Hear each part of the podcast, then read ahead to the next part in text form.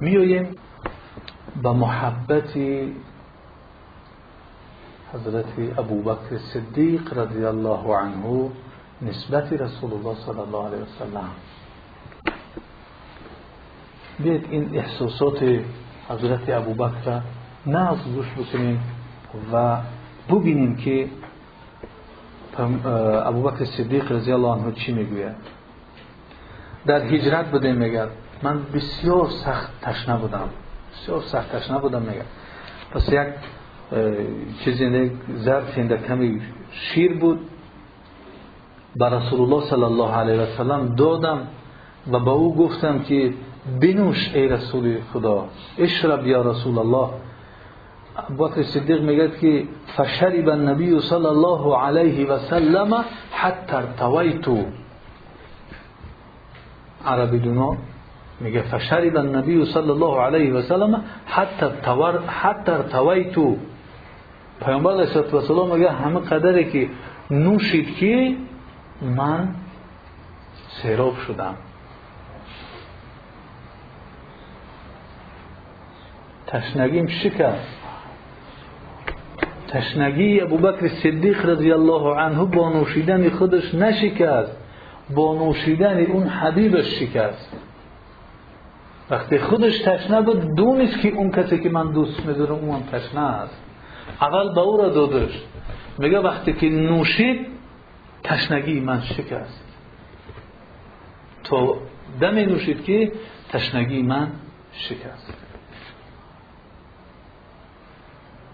میگه همه خیلی نوشید که من تشنگی میشکست او باید تشنگ کسی که می نوشد تشنگی او میشکنه ولی محبت که حتی همچون خودش میدونیستش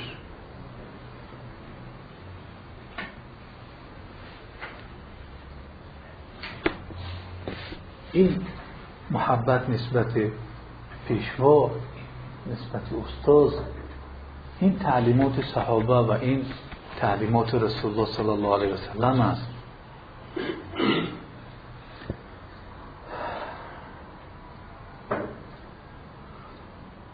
این ذوق این جمال محبت ابوبکر صدیق رضی الله عنه نسبت رسول الله صلی الله علیه و سلم است. ببینید که خوردن او را خیال می‌کنه خودش خورده شده احساس می‌کنه که او که خود خلاص دیگه خودش فراموش کرده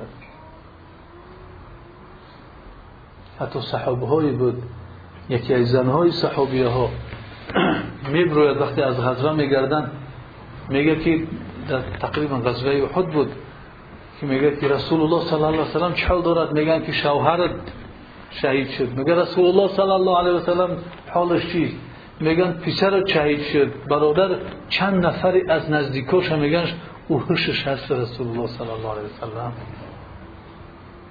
وقتی فهمید که رسول الله صلی الله علیه و سلم ساق و سلامت هست بعد گشت در فکر این شوهر و فرزند و ایناش گشت. بین محبت هم. اینها چیزی هستن که ما میگیم به دهان ولی اونها با وجود چو زندگی کردن. یک فرزند یا که زن سرش درد می‌گیرد خلاص دیگر خواب نداریم ما. ولی اونها از دنیا رفتن. هوش و شست رسول الله صلی الله علیه وسلم اول من خبری رسول الله صلی الله علیه وسلم بگیرم که اون چی خدا؟ سلامت برگشت یا نه؟ همه اینها دیگر فدای رسول الله صلی الله علیه وسلم این تعلیم گرفتگی مکتب محمد صلی الله علیه یک زن بود. خب باز میم یک حالت دیگری هست از ابوبکر صدیق رضی الله عنه که ما در برابر این محبتی و نسبت رسول الله صلی الله علیه و در کدام مسافه قرار داریم. نزدیک هستیم یا خیلی دور هستیم. تعجب نکنید که آنها از نفسشون دیده رسول صلی الله علیه و سلم زیاد دوست می داشتن روزی فتح مکه بود. ابو قحافه پدر ابو بکر صدیق رضی الله عنه اسلام آورد این وقت پدرش اسلام ناورده پدری ابو بکر صدیق رضی الله عنه ابو قحافه تا فتح مکه را اسلام نآورده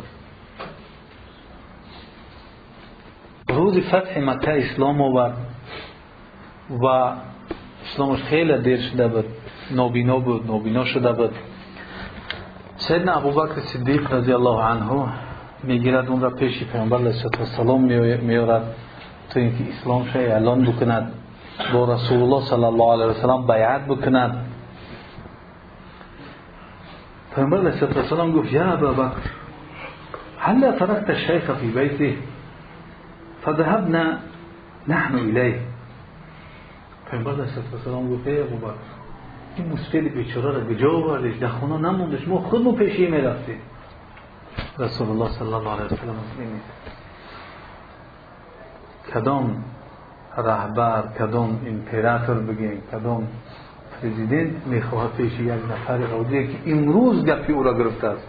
تا امروز ضد او بود در عقیده او نبود میگم ما خودمون پیشش می‌رفت نماندش در همون خانه میستاد رسول الله صلی الله علیه و گفت نموندی مسفیده تشویشش نمی‌دادی.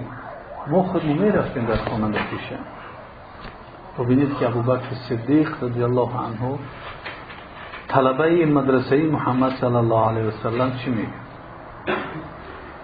لأنت أحق أن يؤتى إليك يا رسول الله. تو حق دار هستی که پیشت بیان رسول خدا.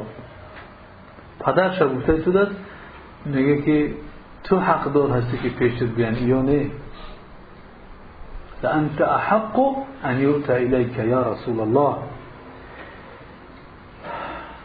وقتی که اسلام آورد ابو قحافه اسلام اعلام کرد ابو بکر صدیق رضی الله عنه گریان شد. و گفتن که ای ابو بکر چی گریه می‌کنی؟ امروز روز خرسندی است. پدرت اسلام آورده است. پدرت مسلمان شد. روز شادی و خرسندی است. با این اسلام آوردنش از آتش دوزخ نجات یا چی با تو گریه داری؟ ببینید که ابو بکر صدیق چی میگد لأني كنت أحب أن الذي بايع النبي الآن ليس أبي ولكن أبو طالب. ابو بکر صدیق رضی الله عنه میگه که من میگه دوست میداشتم که کسی که پیامبر علیه السلام امروز بیعت کرد و اسلام آورد این پدری من نمی بوده ابو طالب می بود همکی رسول الله صلی الله علیه وسلم او اسلام نآورده ابو طالب. لأن ذلك كان سيسعد النبي أكثر. اسلام آوردن امکش ابو طالب پیامبر علیه السلام زیادتر خرسند می‌کرد از این اسلام آوردن پدری من. اون چیزی که پیامبر علیه السلام خرسند می‌سازد بیشتر اون برای من محبوب تر است. از این چیزی گرچنده که پدرش هم به اسلام آورده بود این باید خرسند می‌شد ولی گفت کاش که کی در جای پدر من ابو بکر ابو طالب می بود که اون اسلام می آورد این پیامبر علیه السلام بیشتر خرسند میساخت. خرسندی حبیب خدا میجستند برای خرسندی بیشتری حبیب خود ببینید که حتی تمنا کرد که در جای پدر من ابو طالب نبود. سبحان الله این محبتی صحابه های کرام رو ببینید که امروز انسان گاه پدرش از همه بالا دوست میدارد برادرش از همه بالا دوست میدارد. ولی جایی که دوست داشتنی هست این است. چی؟